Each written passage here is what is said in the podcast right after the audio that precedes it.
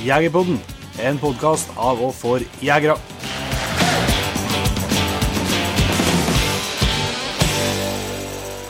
Hjertelig velkommen til en helt ny episode av Jegerpodden. Jon Inge, vi sitter eh, rett og slett i stua til vår gode venn Magnus Hessegrei på Levanger eh, sen torsdagskveld, men podkast må jo bli likevel. Ja, og husarten har gått og lagt seg. Ja. Så det, det er noen bilen av du, da. Just det, det. Katten er borte. Så må vi finne på noe på bordet. Men uh, vi skal ha en episode i dag med en kar som heter for Jens Engan. Som vi tok en prat med i, i Oslo uh, på, for litt tid, tid tilbake. Jens uh, skal ikke jeg si at jeg har full kontroll, men jeg, i hvert fall så langt jeg har forstått, så må han være en av dem som kan mest om gevir i Norges land. Ja. I hvert fall, Om ikke han er helt på toppen, så er han i hvert fall ikke langt unna. Nei, han er ekstremt interessert i det. Og øh, jeg har jo skrevet hovedoppgave om, øh, om elgevir. og har jo studert mange trofé, og selvsagt trofédommer. Og, Trofédommer fra 19 år. Ja. Det er jo, tror jeg nesten en form for rekord. da. Det er jo veldig ungt for å bli trofédommer, så vidt jeg kan forstå. ja, og, han, øh, og det er jo Han er jo fortsatt å jobbe med, med nye oppgaver, og øh, stadig på leit etter ny kunnskap om, om gevir. Absolutt. Og begynte på, begynte på en doktorgrad om rådyrgevir. Ja. Sånn at eh, det, det ligger en nær til hjertet, og det har han mye kunnskap om. Så det vil jo si at her er det en eh, god team med litt skikkelig nerding Ja. på gevir. Og vi får Det er bra, vi er glad i gevir, vi òg. Vi er glad i gevir, og det tror jeg jo de fleste jegerne er. Det er ikke kanskje sånn at den jevne lytter av Jegerbåten går ut i skogen på jakt for, eh, med et stort gevir som det største og fremste målet, men eh, at de aller fleste jegerne syns det er litt spennende og litt artig. Ja. Og litt ekstra stas med store gevir, enten om de sitter på en elg eller på et rådyr eller på en rein eller på en hjort. Det, det føler jeg meg ganske trygg på, hvis, Ja, ja. Vi er helt ærlige med oss sjøl. Det, det er nok bare å være helt ærlig innerst inne. Ja, jeg tror nok sånn for de fleste jaktlagene nå, det er lagsjakt, så blir det knipsa hakket mer bilder når det ligger en, eh, et eller annet dyr med et, et staselig gevir på toppen, enn eh, når eh, det er en kalv. Ja, så er jevnt over at det blir, det blir historier som man husker på lenger, og du husker på skuddplassene bedre. Og, Ja, og ikke minst eh, alle her Ja, vi snakka om en Dag Ole som hadde flott nestenhistorie om en stor hjort. yes. Det her nestenhistoriene om store elgokser og hjortbukker og, og sånn, de, de har jo en tendens til å, til å henge med oss. Jeg har ikke noe problem med å komme på når jeg rota bort storoksen, f.eks. Nei, nei. Det, Det har noe med geviret på den å gjøre. ja, ja, ja. Så det, så det kan vi straks se fram mot. Men jeg tenkte vi skulle eh, starte eh, positivt og glad for at eh, det er alltid artig å jobbe med Jegerpodden og, og drive Jegerpodden. Men noen ganger så er det ekstra artig, og det har liksom vært ei sånn vekka der jeg vil si det har eh, Godvekka. virkelig god vekka. Det har vært utrolig mye hyggelige tilbakemeldinger fra verdens beste lyttere som, som vi har. Og, eh, det starta jo egentlig på, på fredagen med episoden med en Trygve Åsestad, Aasestad, eh, som har fått veldig veldig mye gode tilbakemeldinger, og som vi sjøl likte jo praten veldig godt. så vi følte var ikke noe overraska over det. Men, men da så er jo, vi får stort sett bestandig eh, gode tilbakemeldinger, og så er det litt antallet som eh, kan være forskjellig, selvsagt. Men det er en episode som utmerker seg litt, eh, og det er jo det er veldig artig å, å se. Og så bare til Korgen Ja. På liveshow. gjorde det på, på lørdagen, ja. Og det ble jo eh, fullt hus. Det er vel yes. mange år, om ikke tiår siden det var så mye folk i, på Korgen samfunnshus. Ja, de sa det i hvert fall til oss, så vi må stole på dem. Ja, ja, vi, må, vi må høre på nordlendingene. Ja. Så var det 200 stykker her, og kjempeartig. Og Robert eh, var jo med og, og ga det et veldig bra ramme, Magnus. Og eh, det endte jo til og med til slutt på BA-desken. Ja. For de som har uh, kjenner til BA-desken på Instagram, så legger de ut, eh, eller han, ut eh, mye artig fra lokalaviser, og ja, både store og små aviser for så vidt, da, rundt om i, i Norge. Og den, eh, der eh, ble det vel eh, påpekt at uh, i, i salen når du jeger på en live, så kan du se ei anna flanellskjorte. Det var det humoren gikk på. Nå var ikke kameraet retta mot scenen, da, men hadde det vært det, så hadde du sett to flanellskjorter til. Så, Yes. så det var vel det, det var å treffe spikeren på hodet, som heter det. Ja, men det er, det er sånn det skal være. Ja, ja, ja. Du er sånn, du er sånn Hvis du har vi eller en, som tar seg selv høytidelig at ikke syns at det blir artig, da, da, må han, da må man se seg sjøl i speilet, ja. Ja, vi husker nå bare sjøl hvor kleint vi syns det var når vi, sist vi var i Nordland på på eh, Mergården på besøk til en eh, Jeger Hansen på ja og han tvinga oss til å ha på oss dress, ja. Ja, men vi, måtte, vi måtte kle oss fint og ha på oss fine klær. For det var noe, vi, det var når vi eh, Lansert rødvin. Ja. Og med fine middager og hadde besøk av eh, fra Italia og vinimportør og full pakke. Og vi møtte opp i dress, og resten av besøkende som eh, kom på middag, de kom i flanellskjorte. Yes. Og det gjorde de alles rett i, sjølsagt. Yes. Det var Svein og Magnus som lura oss utpå der, da. Nei, så det, det syns jeg var, var kult. Og så hadde vi jo lansering for uh, våre kjære Patriens på søndagen med episode én av uh, en ny sesong av Jegertoner. Og der har jo de gode tilbakemeldingene virkelig strømma inn, da. Ja. Så Det er jo, det er jo spennende for oss òg bestandig, og, og spesielt på, på jegertoner, da, for der eh, Å slippe, slippe episodene der, for at uh, vi vet jo aldri hva, hva eh, seerne forventer seg. Nei, nei, nei. Nei, og så er det jo sånn at det er jo både med, Uh, i, med en med Trygve, eller episoder vi har, og, og liveshow og, og jegertoner, og så, så hjelper det ikke om vi syns det er bra. Nei. Det blir ikke, det blir ikke så mye annet. Altså, det, det er jo når du får, får tilbakemeldingene og klappen på skuldra, at du, at du blir trygg på at ja, her er, her er like, like flere enn oss. Og, og det er sånn som gir, gir motivasjon, og det må jeg jo, må jeg jo bare få skryt av våre lyttere altså, der, og våre følgere. For det, det syns jeg er forbilledlig. Eh, Og ikke bare, jeg tror ikke det også, jeg, ser, jeg kjenner igjen eh, mange av dem som er navnene på, hvis du tenker på Facebook, og mange av navnene jeg ser som eh, er hyggelige og gir oss klapp på skuldra, ser jeg og i andre kommentarfelt eh, dukker opp og, og gratulerer når noen legger ut at de har skutt seg en rev, eller, eh, eller en ungdom har fått felt først repar. så kjenner jeg mange av navnene, de som er og gir tomler opp og, og er med og bidrar positivt. Og, og det, det trenger vi for at eh, um, hvis jeg tar det litt over til et annet, jeg tenkte vi skulle eh, drøfte litt før vi slipper den igjen, Jon Inge. Så jeg, jeg spekulerer litt på, eh, på nyåret her eh, eh, med jegernes omdømme, da. Ja, du skal dit, ja. Ja, For det, det, Det, det, har, det, har- fått seg en knekk. ja, det, det får vi ikke håpe, da, men vi ser jo altså, sånn vi snakka om, men, eh, men hjem, sant, og, og undersøkelsene viser jo at vi har stor tillit, og at folk eh, flest er positive til jakt. Og det er jo, er jo kjempebra. Men, eh, og det, det, det er stort på det, det tror jeg jo, det er jo mye opplevelse av det, altså. Men samtidig så er det sånn, når uh, nyheter uh, bryter gjennom liksom i de store mediene, da, jeg tenker på VG og TV 2 og- TV 2 NRK, liksom virkelig store, um, så syns jeg det er veldig lenge imellom, og nesten så lenge imellom at jeg klarer ikke å komme på eksemplene, Nei. der det er positive historier. Nei, det jakt, og, jakt og jegere. Nei, og spesielt ikke noe i det siste, altså, så har, det- har vi ikke kommet noe godt utover. Så er det kanskje sånn at vi, vi er innstilt på altså, innstilt med at vi, vi kommer på de negative nyhetene Ja. bedre enn de positive nyhetene. Ja. Og det, det det, og det er vanskelig å få til positive nyheter i VG. Ja. For de er jo stort sett mest opptatt av å skrive om der det er litt uh, uaskap, nær sagt, eller det er noen Ja, som det, gjort det, det som skaper klikk. Ja, men, uh, men uh, nå har det vært denne saken med han eh, Besseberg. Mm, sky- skiskytterpresidenten, ja. Og der er det jo jakt er jo ikke et, er jo egentlig ikke et tema der, men, men det, det er jo helt sånn åpenbart at eh, media syns det, det, det, de, det Jeg syns fall det omtaler liksom det uforholdsmessig mye, da. Ja. At uh, altså, må han er skyldig eller uskyldig, skal ikke jeg legge meg opp i, for det ikke det vet ikke jeg, vet ikke noe om, og det, det har ikke jeg noe med heller. Så, så det er ikke det, jeg med, men, liksom, men det, det, liksom, det er snakk om dyre jaktturer, og det liksom, det, det føler jeg blir slett en sånn merkelapp på det.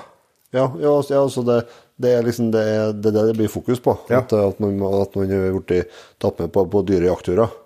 Og så er det kanskje eh, Når du setter litt mer inn i saken og har sett TV-serien, kanskje, så ser du at det er jo, det er langt større verdier. Det er snakk om på I form av klokker og forskjellig sånt. Ja, da. Men det er liksom det er jaktreisene og, og dyre Ja, og jeg tror at dere eh, Og så har du den her runden som har vært med han eh, Lier Hansen da. Ja. I norsk industri, som, eh, om det er innafor eller utenfor, det vet jeg heller ikke vi noe om. Det ser jo eh, Jeg syns det ser spesielt ut, det skal jeg nå ærlig innrømme. Men jeg vet ikke noe om hvilke avtaler han har hatt med sine sjefer opp igjennom, så det kan ikke eh, jeg uttale meg om. Nei. Men altså, det er i hvert fall der ble liksom jakta trukket fram, og, og, og jaktturer og sjøfly og, og hva ikke det er for noe alt. Og, og, og blir liksom da trukket fram i en sånn ja, smøresammenheng, da, eller hva man skal kalle det. Ja, og det er jo en negativ kontekst. Ja, ja og så, så, så det kom jo en ny sak i forrige uke, og det er, jo, det er jo ikke noe galt. Der er jo alt helt greit, men det, det er jo Røkke som, som kjøpte en stor eiendom i eh, Kjøpte en stor eiendom i, i Sverige. 100 000 mål. Ja. Eh, jakteiendom, da. Sannsynligvis. Det vet ikke jeg hva han har tenkt å gjøre der, men jeg antar at eh, for Hvis jeg kjøpte eiendom, så hadde jeg tenkt å jakte der, ja. for å si det sånn. I det, for, for det var ikke i Stockholm, det var i Herjedalen. Ja, det var Herredalen, så, så Og det er jo sånn eh, Da blir liksom Røkke kjøpe jakteiendom. Og så, så tenker jeg på tre saker, som sagt, det er jo ikke noe, det er noe galt. Han har jo gjort alt etter boka. Nei, og, og det å investere i, i utmark er jo slettes ikke dumt. Nei, men, eh, men det er jo ingen som det, det er klart at sannsynligvis så Eller i hvert fall det er lett å tenke at det uh, jakta Røkke vil ha den eiendommen for. Uh, han har jo har noen kroner fra før, så det er jo ikke gitt at han uh, tenker at det er skog han skal slå seg opp på sikre pensjonen, pensjon, liksom. Nei, nei, nei. Eh, Men, men, men du er jo det, så, liksom, så hvis du tar de tre sakene der som har kommet på nyåret nå på Brekkara, så, så, så gir jo det eh, jakta og jegerne et, litt, litt svekka omdømme. Og så samt, på et vis, og samtidig så, så viser jo så en så fjern del av det som er jakt og jegere i Norge. Ja. Eh, så for det, eh, de 99 av jegere i Norge har ikke mulighet eh, til å, til å få smøreturer på jakt, eller de aller, aller fleste av dem kanskje har de en liten skogteig sjøl, sånn at de kan jakte litt, eller så kjøper de seg jakt på Statskog eller til, til, fjell, til et fjellstyre. Mm. eller at de er med i, i noen i familien på, på det fugleaktige altså, det, det, det, det som liksom når gjennom her, da, og liksom får en sånn negativt eh, fortegn, uh, er jo egentlig så fjernt ifra det vi vanlige jegere driver med. Ja, og så er det altså, Det ligger ikke noe faktabasert statistikk bakom det her, altså, men, men Ola Nordmann som jeger er jo kanskje, jakter kanskje ja, hva som er snittet, men kanskje fem til ti dager i året.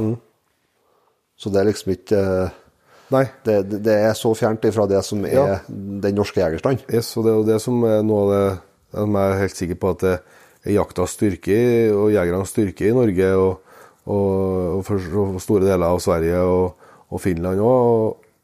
Det er jo at, at jakta heldigvis er på en vis en, en, en folke...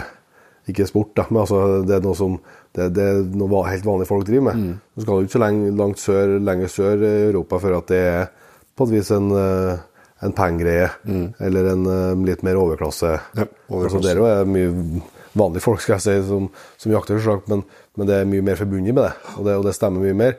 Og det, men det er liksom dere, de sakene her sant, som, som måte skaper litt sånn bilde av at sånn er jakta i Norge òg, og det er den jo ikke. Og så de to førstnevnte sakene her, de er jo, det er jo selvsagt også sånn direkte potensielt negativ for jakta og jegernes omdømme. Ja. Og, og så da blir jeg liksom, jeg stiller meg spørsmål om det. Det er jo eh, som egentlig er et spørsmål til ja, det deg òg, men vi har diskutert det før, og vi kommer ikke på noe så gode svar. Så. Men det er jo litt jegerpositere. så Det er jo hva, hva kunne vi ha klart å fått igjennom i stormediene eh, som har handla om jakt og jegere, som har vært positivt? Ja.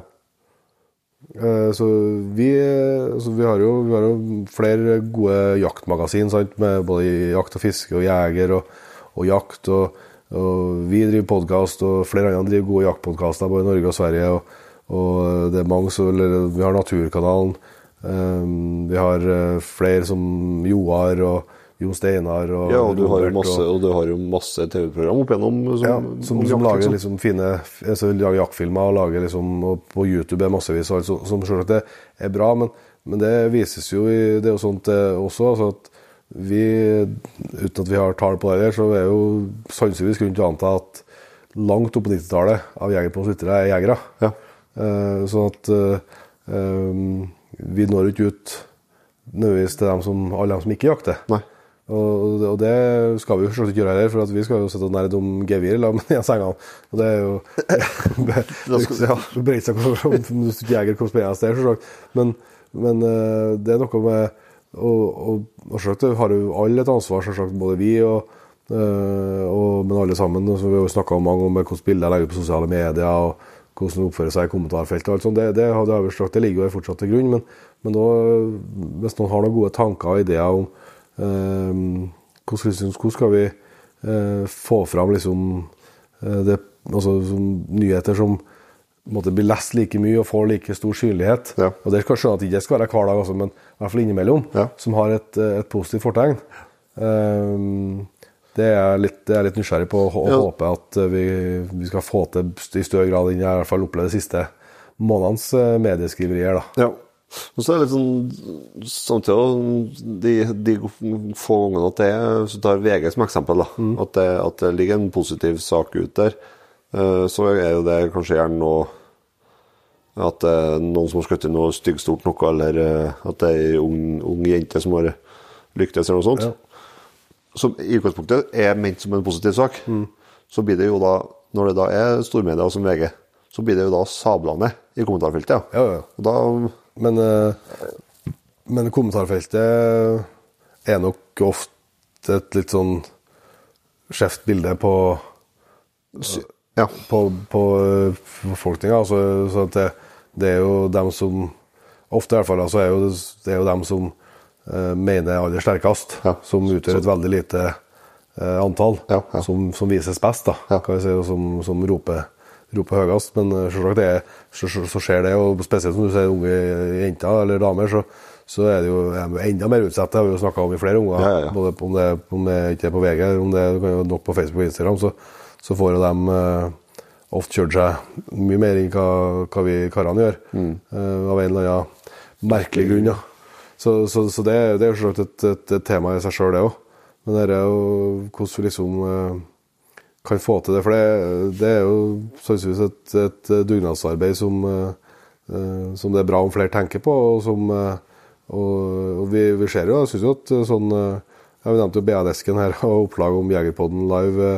Det er jo, er jo en, er jo en gladsak. Ja. Vis, og det, og, så, og sånn er, ser jeg jo ofte at lokalavisene er, er flinke. Ja, ja, ja. Både at de kan skrive vet du, lokalt til oss, og skrev de om et jaktlag i høst kommer på i, i Namdalsavisa der det liksom snakket med Det var med flere generasjoner, og, Mm. og, og, som er superbra. Så, så, så lokalmediene så gjør ganske mye bra sånn sett, da. Ja. Um, det er ikke, det er ikke de sakene som uh, stormedia plukker opp. Nei, det er ikke det, er ikke, vet du. Det, uh, og liksom når det, altså de sakene som har liksom kommet, de treene som vi nevner her, da, altså, de er sagt litt sånn Ikke redd for at det nødvendigvis uh, sånn direkte skaper mer eh, motstand til jakta, eller sånn, men det handler om at vi, vi må ikke la det bli et bilde av at, eh, av at jakt i Norge er noe sånn eh, eh, millionsport og, og noe rikinger og folk med kontakter og, og sånt driver med. Nei. For at sånn, sånn er det virkelig ikke. Det, er- det er virkelig sånn at det er Ola og Kari Nordmann som, som Ja. driver med det. Ja.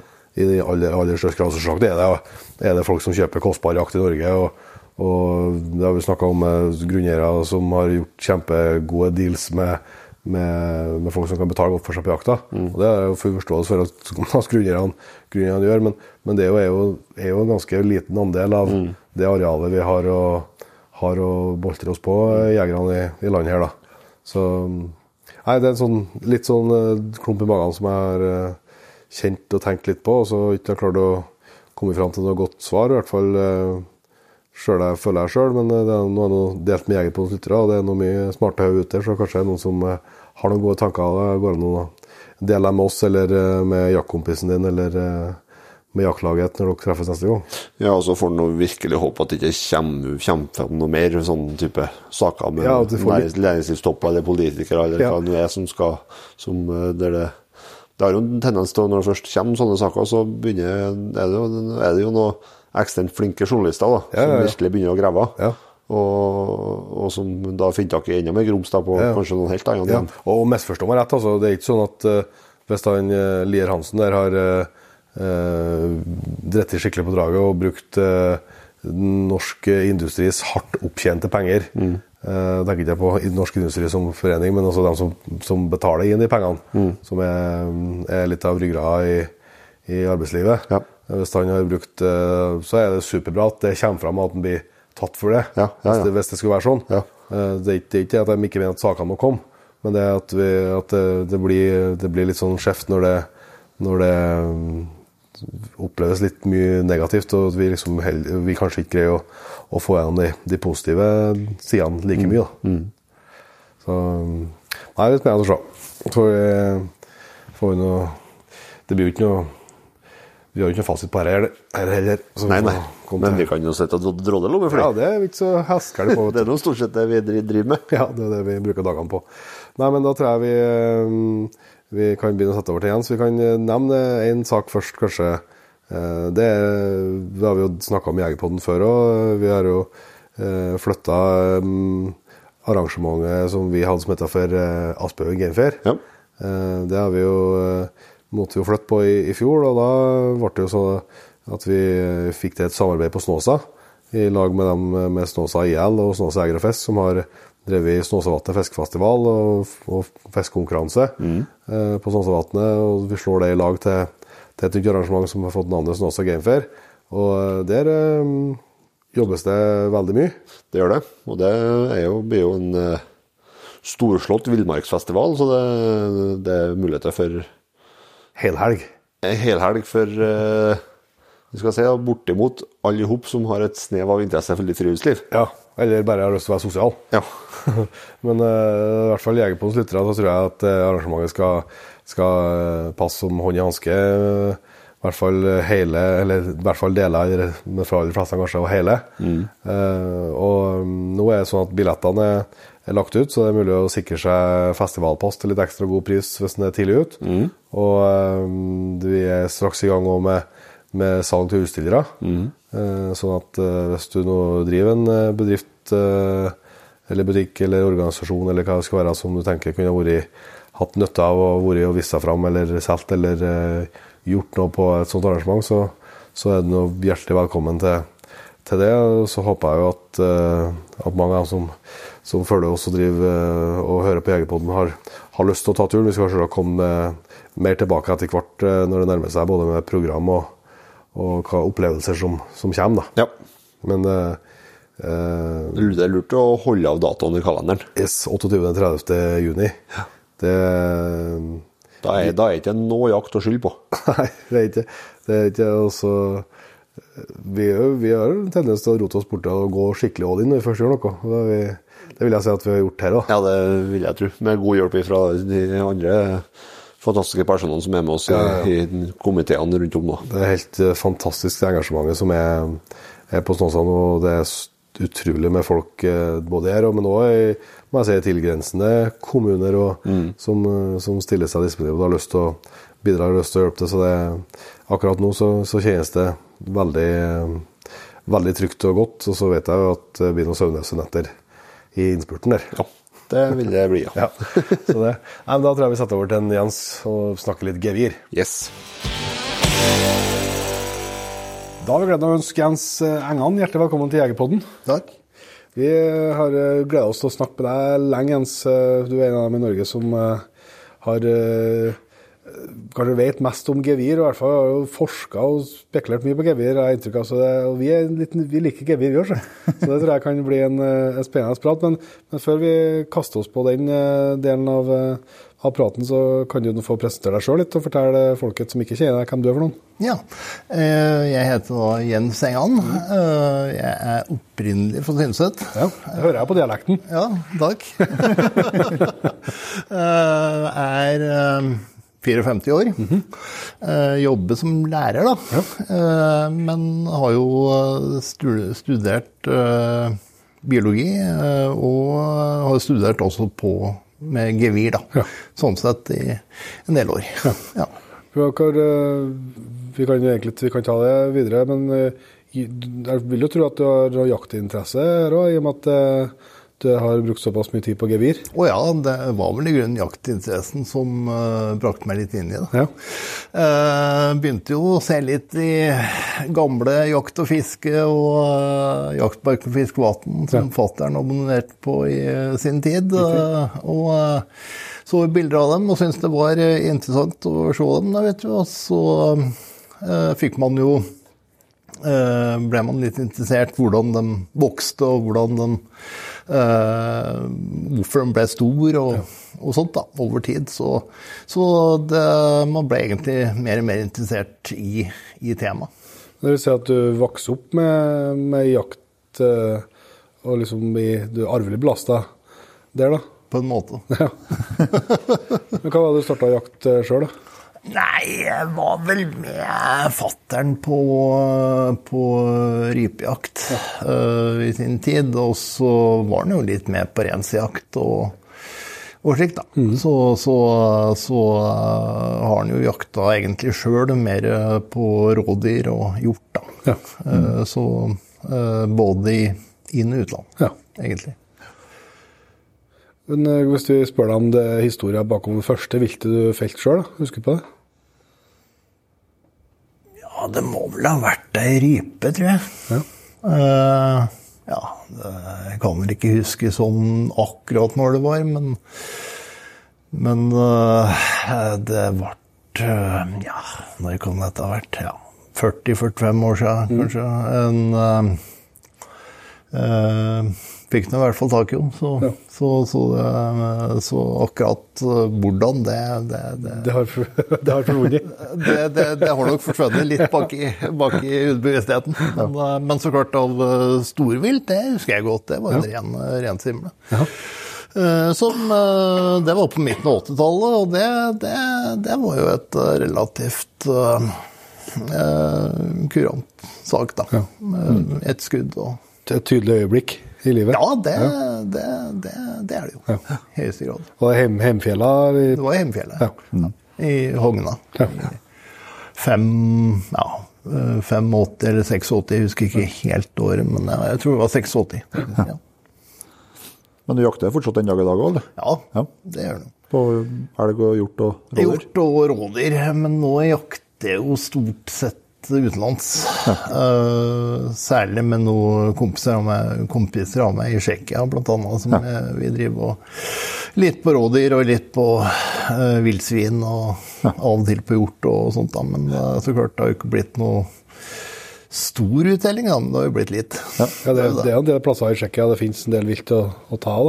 Ja, det, det, er det jo. Og de har et uh, godt innarbeida viltstell og ja. et, uh, en uh, veldig lang jakttradisjon der mm. nede.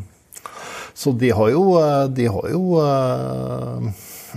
Og samtidig som det er jo veldig veldig, veldig um, sterkt knytta mot gevir. Ja. Uh, spesielt på, på uh, hjort og på rådyr og uh, dåhjort og sånne ting. Mm. Så, så, så, trofeer er et veldig viktig moment innenfor tsjekkisk jakt. Ja, ja det, det, er vel egentlig eller Det kan jo kanskje si at det er overalt, men, men spesielt nedover, så mye nedover Europa så er det jo et litt fokus på det med gevir og og trofé kan hva vi kanskje tradisjonelt sett uttalt har i Norge, i hvert fall og Sverige. Ja, I, hvert fall, I hvert fall lenger nord i Sverige. Uten tvil. Det er jo, det er jo denne Sankt Huberterius-tradisjonen ja. som du ofte har i uh, Tyskland og i og for seg store deler av Sentral-Europa, i hvert fall. Mm. Mm. Hvor du har knytta opp mot uh, jakt klubber ja. uh, som er godt trent, og, og, hvor trofeer står egentlig ganske sterkt ja. mm. i, i, i, den tradisjonen. I motsetning til kanskje mer den skandinaviske uh, jakttradisjonen, hvor du har, uh, hvor du har Uh, mer på matauk, kanskje. Trofeer har jo mer kommet mer inn de siste 40-50 åra, kanskje. Uh, her i, i, i, i Skandinavia, kanskje med unntak av Sør-Sverige. Men mm. uh, hvor det kanskje er mer sånn Det er mer ja, tradisjon, ja. ja. Mm. Så det er sånn, eh, Jens, at Når vi får oss nye bekjentskaper i jaktverden, så er vi alltid litt nysgjerrig på hva som finnes i våpenskapet. Det vedkommende, Hva er det du har for noe våpen? Ja, jeg har nå ei rifle, ja. og jeg har nå en gammel hagle. og... Uh, nei, altså, det er vel stort sett det jeg har. Ja. ja. Da, da, men, men, har du det samme rifla som var med på Reinsfjellet i 86, eller? Ja, ja kult. det har jeg. Så det er en, eh, det er en eh, god gammel 306 som, ja. som uh, gjør nytten sin. Absolutt. Ja, så den er jeg fornøyd med. Bra. Ja. Hvis vi, vi vet jo at du er litt over snittet interessert i gevir, så det er jo det vi må du nevnte jo at du liksom begynte med at det begynte med jaktinteressen og, og jaktmagasin og, og, den biten der. Men uh, når liksom begynte å, å tenke at dette skulle ta inn og, ja, og utdanne i retninga, skal jeg si? Ja, eh, det begynte jo med at man hadde Man, man ble jo gevirdommer. Ja. Eh, man fikk jo utdanne seg etter det. Og jeg ble jo gevirdommer for NIFF i 1988. Ja. Eh, så da var du ganske ung som trofédommer da? Da var jeg ikke mer enn 19 år. Nei. Så, så, så, Skal ikke jeg si noe så stygt om trofédommer i Norge, men jeg syns jo at det var et ganske bra snittalder. Ja. ja. Eh, det var nok det, så jeg dro nok den alderen litt ja, ned. Det, den gangen i hvert fall. Nå er det vel kanskje litt motsatt. Jeg holder på å opp i normalen nå. Ja. det tok noen år. Men. Eh, så, så Nei da. Eh, så, så begynte han jo å studere zoologi, da, og så tenkte han jo det at man kanskje ville gjøre litt mer vitenskapelig ting med det. For jeg satt jo med et materiale sjøl òg, etter at jeg hadde bedømt på det er det jo gjort og ren og, og sånne ting. Da. Så, det jo, så, da gikk det jo den retninga der. Ja. Mm. Hvilken eh, studie biologi, men da begynte du med da begynte du med Du skrev en hovedoppgave om, eh, om elgevir? Ja. Eller hovedfag? Ja. Eh, det var hvordan endringa av fjøl og stanggevir eh, hadde vært i Norge fra 1950 til 1997. Ja. Og eh, da så en jo på, på innsamla elgevir, altså det som har blitt målt da, ja. gjennom, gjennom, mange, mange år. Og da så en jo at Eh, særlig på Østlandet så hadde du fått mer i retning av eh, stang, da. Eller det som heter for servin. ja, for det noterte du er servin og palmat? Ja. Eh, servin betyr stang.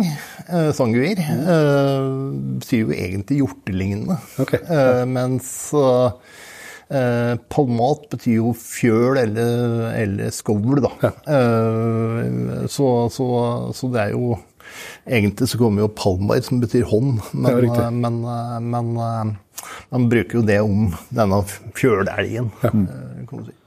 Men da, altså når du da skulle se på endringa, da brukte du Var det da da, da, gikk det gjennom eh, og brukte tallene fra alle, alle gevirene som var bedømt? da? Stemmer. Ja. Stemmer. Både de som var medalje, og dem som ja, altså det var jo stort sett medaljegevir, hele, ja, ja. hele den uh, haugen som man gikk gjennom. Ja. Uh, og det var vel rundt um, På den tida så lå det vel på rundt uh, 3500-4000 gevir som lå i den haugen den gangen der. Og da så han jo på selvfølgelig hva var som var målt som fjøl, og hva var målt som stang.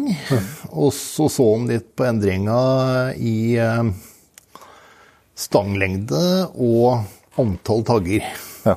Og så kunne man, eh, man, man, se på det, og da fant man jo da ut at eh, det hadde blitt mer eh, stang. Ja. Så hadde tagglengden økt. Som, som, følge av at det hadde blitt mer stang? Ja. ja. Og antall tagger hadde altså da blitt redusert. Da. Ja. Så, så man, så jo, man, så jo, det her på Østlandet. Østlandet, men i andre landsdeler, også i Nord-Norge, Trøndelag, eh, Sørlandet, Telemark, eh, så fant man ikke det samme mønsteret. Mm. Hva, hva, var teorien eh, på at det, at det var sånn på Østlandet, sånn på Østlandet? Ja, altså det var jo i hvert fall sånn som jeg skrev det den gangen, så var det det som heter frekvensavhengig seleksjon. Okay. Altså det går jo på at frekvensen eh, av det vil avhenge av hva tilpasningsevnen er. Da. Eh, samtidig så hadde jeg noe om uh, dette her med en stressfaktor hvor, hvor, hvor, det er enklere å produsere servine gevir enn Altså stanggevir enn fjølgevir. Med tanke på skog og sånt? Ja, liksom. for eksempel. Ja. Så, så, så, samtidig som også uh, populasjonen har økt ganske mye, da, i, uh, også det har vel i hvert fall hvis du ser på jaktstatistikken, så ble det ikke felt så mange elger på tidlig 1960-tall, men, men, på slutten av 1990-tallet så ble det vel uh, uh, Det var vel på en rundt 7000-7500 bare i Hedmark. og det var jo mer enn det som ble tatt i hele landet på begynnelsen av 60-tallet. Ja. Så, så, det er klart at, at Enorm utvikling, ja. ja. Så, så, så, så, jeg konkluderte med det, da. Men så klart, jeg kunne jo uh, tenke meg egentlig nå å se på hva har skjedd de siste 25 åra. Ja. Men ja. det får vi jo ta etter hvert. Ja. du kan jo skrive en oppgave til. Ja, ikke sant. Aldri for seint. nei, nei, nei. Men uh, klarer du sånn uh, Det var jo medaljegevir, da, men hva, hva, er det som, hva er det som avgjør om et, et gevir havner i? Altså hva, om, om, det er et stangevir eller et, eller et, et fjølgevir? Altså Jeg måtte jo egentlig eh, lage mitt eget kriterium. Ja. ja. Og det var på eh, at det var så og så mange tagger. At du har Hva er bredden på fjøla? Og, uh, og hvor Uh, lange er de taggene. Ja. Så hvis to av tre av dette her var, var innfridde kravet, da, så ble det enten snakk om fjøl eller stang. Ja. stang. Også hvis det, hvis det var eh, midt imellom der, ble det da definert som mellomform. Ja. Så, så, så, at det har en litt dårlig utvikla fjøl og kanskje lange, men litt færre tagger enn det som vi hadde trodd ut fra vanlig fjøl. da, sånn sett. Så ikke jeg levert noe voldsomt mange gevir til bedømming, det, det skal ingen, ingen påstå. Men, men, jeg, men, jeg, har levert eh, et par stykker, og da har det jo blitt bedømt Og så har dommeren da sjekka både. For de har, de har jo liksom ikke Når du ser på dem, så sier ikke det så tydelig hva det hva det er, og mm. dommeren da har valgt å bedømme den både som stang og som, mm. og som cover. Og se hva som gir mest poeng, da. Det er, det er, jo også blitt gjort, da. Ja. Det, men, men, har du sjekka den, den, den, teorien du eller den, det, det, du setter som kriterier, og sjekka det opp imot sånn liksom, tilnærming? Jeg drev vel og sjekka kikka delvis på det, og ja. det holdt jo ganske bra, ja. egentlig. Den, den uh, hypotesen der. Ja. Så, så, så, jeg sjekka på noe, noe fallhorn, øh, blant annet, som var fra Valdres. Det var en som hadde samla en god del fellhorn der. Og, okay. og det, det, der var det ganske sammenfallende med, med akkurat den typen som ellers kan gjøre, da, at du måler på begge måter. og så, mm. ja. Ja, for det, det, er jo det er i hvert fall mitt uh, inntrykk av uh, okser har uh, vært med på et borti felt og bilder du ser på Facebook, og sånn, så er det ganske stor andel da, som altså Vi snakker jo om stang og vi snakker om fjøl, mm. men det er ganske stor andel som, som, ser ut som en slags mellomting. Ja, uten tvil. Som, men er, er det Det vet man kanskje ikke, ja, men er det, er det, er det, tror du, handler det om at det er en sånn sammenblanding av gener? Ja, det er jo alltid sammenblanding av gener. Og du har, jo, du har jo klart i svært mange områder eh, både fjøl og stanggener. Ja. Så, så, du, så, det blir vel sikkert eh, Men nå er det jo det, da, at det er Kollan som velger. og det er klart at da, da, kan du jo Og hvis det er eh, Og man har jo snakka noe om at Jeg har jo sett at det er ikke bare farens gevirtype som nedarves, men det er også morens gevirtype også som kan ja. nedarves. Så, så, det kan være kombinasjon av, så, av det òg, ja. Så blir jo en sånn ganske kompleks genetikk uh, ut av det. Og det er klart at uh, jo mer kompleks et gevir er, uh, spesielt er de, og ren for den saks skyld, så, så, jo mer kompleks genetikk har du. Ja. Men, men, så klart, genetikk Logikken eh, bak gevir er nok ikke fullt ut forstått. Nei. Det, det er det nok ikke. Nei, for at um, du så litt på sånn kart og greier, så, så, så, så, var det jo ganske mye altså stor forskjell i, i rundt om i landet. Altså, i, altså, du snakka om Trøndelag, og, mm. og nordover så er det mye skovl. Mm. så, det virker jo som at det er litt forskjellige genbaser på et vis, nesten. da. Absolutt. Absolutt det er det. Så, så, Nei, altså du har jo Det er jo riktig som du sier at det er Det er omtrent på den gamle fylkesgrensa mellom Sør-Trøndelag og Nord-Trøndelag. Ja. Uh, hvor du da har et skifte mer mot, mot fjøl. Ja. Og så har du noe i fjellområdene i, i Sør-Norge. Mm. F.eks. Folldal, yes. Storedal. Da blir jo rett sør for trøndelagsgrensa igjen, egentlig. da. Ja. Så hvorfor det er sånn i Sør-Trøndelag, det, det, det, kan du jo spørre om, men, ja. men, men ja, det, det, er mye rart i Sør-Trøndelag. Ja, det er mulig. men, men, men, sånn, vi, vi snakka jo før vi begynte opptaket om en felles eh, bekjent som heter Bjørn Brennbakken, som var ganske interessert i, i gevir, og spesielt elggevir. Da. Mm. Og da snakka vi jo med han om den gangen at uh, det er jo ikke sånn nødvendigvis at et, at et livsforløp på gevirsida til en elgokse er at den vokser jevnt og trutt opp til toppen, og så detter etter det. Det kan gå litt opp og ned hvert år. Men, men, eh, er det er du, om du er stang eller fjøl, er det det, det, er fast. Du det er fast. Kan, ja, du, er fast. Du, du, kan ikke flukte mellom det mellom Nei, skal jeg si. Det, da må du Det, det er ganske fast. Ja. Så, så, så, så, det er klart at det Eh, det er ikke sånn at du får, eh, har én skikkelig skavlkrone ett år, og så har du en skikkelig stanggevir etterpå. Nei, så, sånn er det ikke. Men, men, eh, men, jeg har jo sett noen tilfeller hvor du har en nærmest en mellomform på ene sida, og så har du en full utvikla ja, stang på ene sida. Ja. Ja.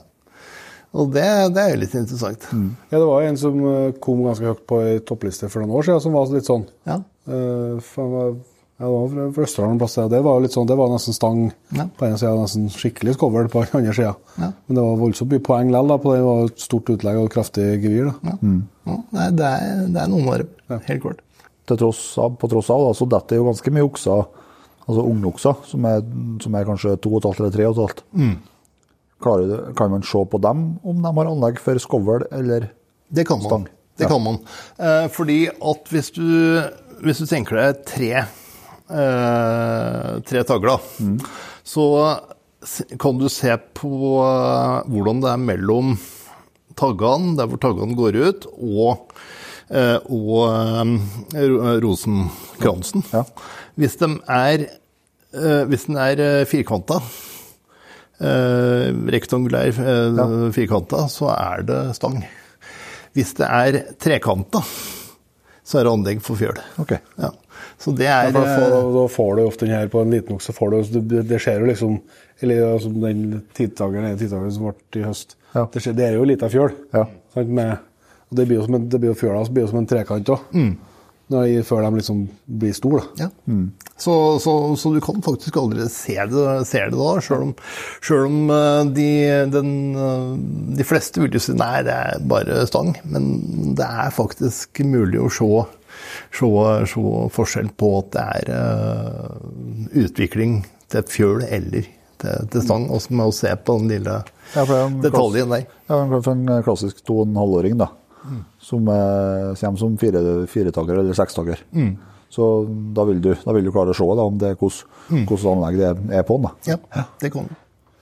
Eh, men så snakker vi om eh, store elgokser. Så vi snakker med mye folk rundt omkring og har kanskje et inntrykk av det mange plasser at det, man snakker om det er lite storokser. Mm. Eh, men er det Hva er din eh, tanke der? Handler det om, eh, handler det om at vi har eh, at det har blitt selektert feil, at det er en genproblematikk, eller er at oksene ikke blir gamle nok, eller er det for at Eller det er jo ikke slutt på at noen okser får store gevir.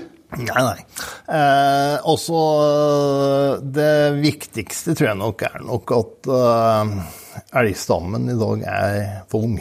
Ja. Også du er nødt til å få opp eh, hjemstidsalderen ja. på oksene. Ja. Det er den enkleste måten å gjøre det på. Mm. Eh, så klart, uh, og jeg tror ikke at det har vært så hard selektiv skyting at du har skutt ut noen gener. Så klart, noen gener kan kanskje ha forsvunnet, men, men, men det er nok gjennomsnittsalderen som, som, er det, og jeg ser det jo f.eks.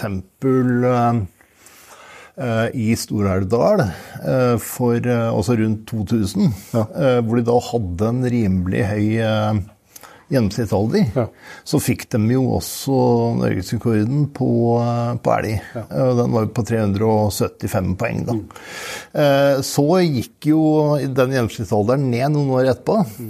Og da var det jo langt mellom uh, gullgevira, for å si det sånn. Så, så, så, så gjennomsnittsalderen er nok, har nok en god del å si. Altså. Ja. Så, ja. Ja, for det har jeg tenkt på blant annet sånn når det er snakk om eh, noen Jeg vet at det var gjort noen forsøk noen plasser i, fra i høst av, og det er sikkert gjort mange plasser, om at eh, man skal, skal frede, storoksa storokser i starten av jakta. Eh, og at det uh, Jeg kan forstå at det kan være et resonnement eh, opp imot eh, at man, eh, store okser kan få kyrne i brunst tidligere. da. Det, det, kan jeg, det kan jeg på en måte være med på. Men, men, eh, men at det skal være en, en sånn sikkerhetsventil på at de rette oksene får para seg, det er litt mer vanskelig å forstå. For at du kan jo mer om genetikk enn meg, men jeg kan ikke tenke meg at det er sånn at eh, om jeg hadde fått mitt første barn når jeg var 15, eller når jeg var 60, så er jo ikke genene jeg leverer fra meg noe annerledes. Nei, nei, Gen- Genene mine må jo være like gjennom livet. Det er det jo.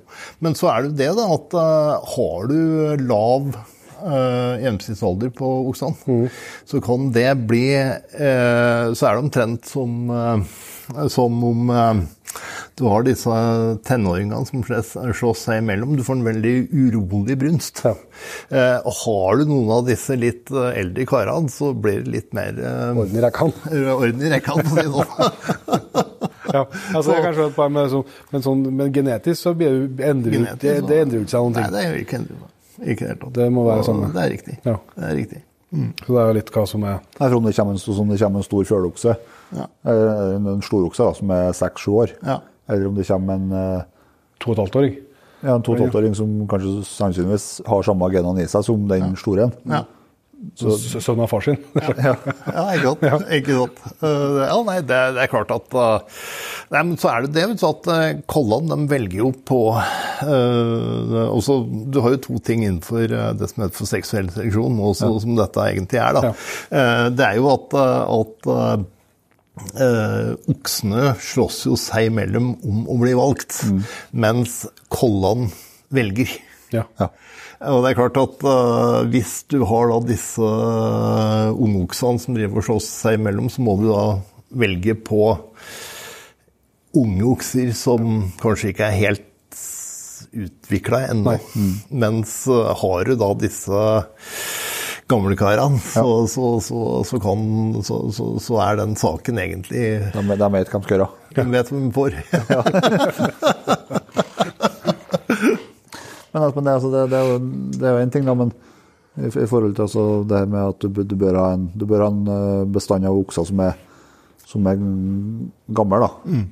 Men, eh, men eh, det må jo være noe med beiteforhold eller oh, ja. gru, grunnforhold. Klart det. Eh, Hvordan eh, årshjulet ser ut i forhold til energisparing, energibehov og Det er klart. Også en Det har mye med det, det, er jo dette her med Er det en hard eller mild vinter, f.eks.? Mm. Hvor mye energi du bruker gjennom den? Åssen har beitene vært i løpet av sommeren?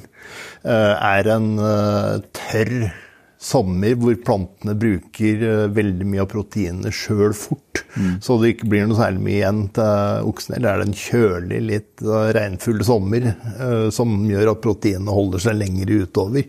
For eksempel, så klart, det har veldig mye å si.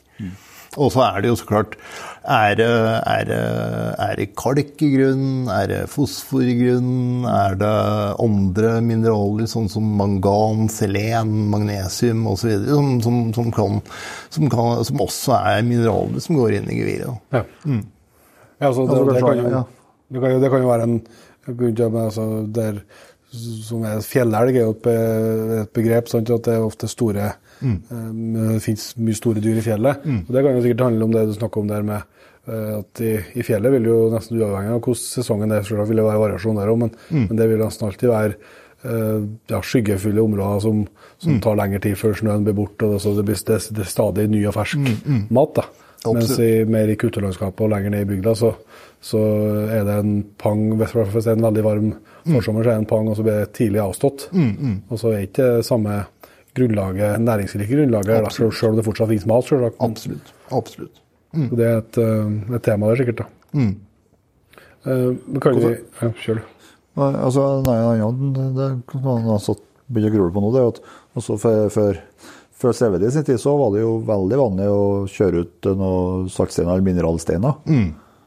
Eh, og sette ut som, eh, som et trekkplaster for, eller som oksene går og leker på. Da. Men det ble jo plutselig ja. Ikke lov lenger, da. Ja, det er vel pga. dette med kronikk, ja, også ja, denne ja. skrantesjuka ja. annet, som man er litt redd for, og sånt, da. Ja. Mm.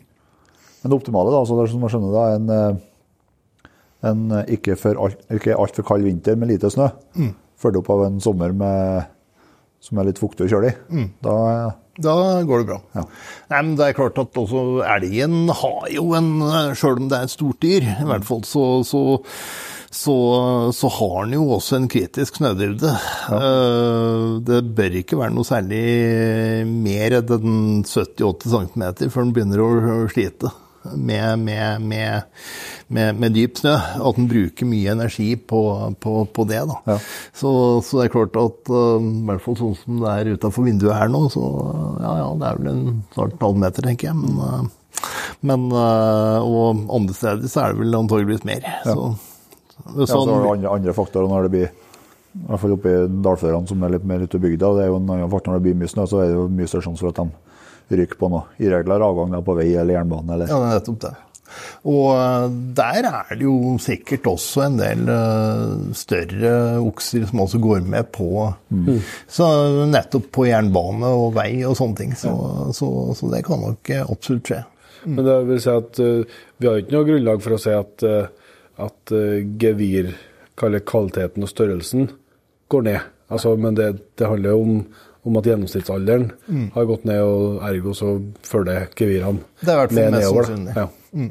Mest sannsynlig. Altså, jeg tror nok ikke man kan si at uh, akkurat i det området eller det området at det er gått uh, noe sånn uh, At det er på, på vei ned av, av, genetiske grunner, i hvert fall. Men, men så klart Den geografiske forskjellen er det jo. Det er det uten tvil. For det er jo det å gjøre litt research på her, så, så, så er det uttalt en plass. så da var det, det var en par-tre fylker det ikke, det ikke er bedømt gullgevir ja, ute ennå. Det, det stemmer. Eh, du har jo da på eh, Vestlandet, og så er det vel Vestfold, som, ja. som ikke har uh, gullgevir. Uh, men du har jo uh, Men så er det jo en del Det er jo særlig Nord-Trøndelag, gamle Nord-Trøndelag, mm. og Hedmark, da, som, som, som, er ganske dominerende opp gullgevir på elg. Så har du jo, du har jo noen fylker, altså Troms og Finnmark, men det, jeg vet ikke hvordan det er med hvor du har, du har, selvfølgelig fått flere av dem, men eh, det har nok noe med at uh, de har ikke blitt bedømt før nei. de siste åra. Nei, det, nei, det er sikkert ikke ja. Det er ikke sikkert like store Det er ikke like mange geværdommere oppe i Finnmark kanskje som Uh, nei, jeg tror nok tettheten her uh, kunne ha vært høyere. Populasjonen av gevirdommere påvirker uh, Man skal aldri si aldri. Vi er kanskje litt uh, synsing, da, men du er jo bedre til å synes om dette enn en oss. at vi har det her med både stang og fjør, da. Mm. har det en sammenheng med at vi har fått elgen inn til landet tilbake flere tusen år i sin tid fra forskjellige plasser? Ja. Det er det, det, er det som er årsaken til at vi har to forskjellige? Ja. Ja, jeg, jeg, er i hvert fall av den oppfatninga. Og det er ikke, jeg er ikke den første som skriver det heller. For det er jo faktisk Jeg tror det var på slutten av 1800-tallet så ble det vel faktisk beskrevet forgjengeren til jakt og fiske. Eh, også Jeger- og fiskeforeningens tidsskrift eller noe sånt. Ja. Eh, at de mente faktisk at uh, disse hornformene hadde kommet to veier. Da. Ja. Og uh, det var vel uh, en Og man har vel sett en på genetiske strukturen på, på elg i Norge, da. Mm. Uh, med han Solberg og uh, de gutta på i Trondheim. Uh, at de mener jo at det er vært to innvandringsveier til, til Norge. Og det kan jo hende at, at gevirformene har kommet som også følge som følge av det. Ja. Mm. For at de, de, elgen kommer fra Sibir og hit, eller? Ja, altså opprinnelig så er den jo eh, så er den som, så oppsto elgen smart i Sibir. Ja. Uh, men så klart, du hadde jo dette med istiden, og, og når isen trakk seg tilbake, så fikk du da to innvandringer. Først gjennom, gjennom, også fra Europa opp til, til opp i Sør-Skandinavia, og så hadde du en som gikk fra Russland over Finland og Nord-Norge. Og så møtes de uh, i, i Midt-Norge. Mm. For det er kanskje det kan videre at Hvis du har fått smugla hjem noen Alaska-kjemper, vet du. Mm. så vi har sluppet ut et par sånne i Heimfjella. så vi, da måtte vi kunne ha blitt oppsving på geviret. Da går på å ta med seg noe genmateriale, bare? Ja.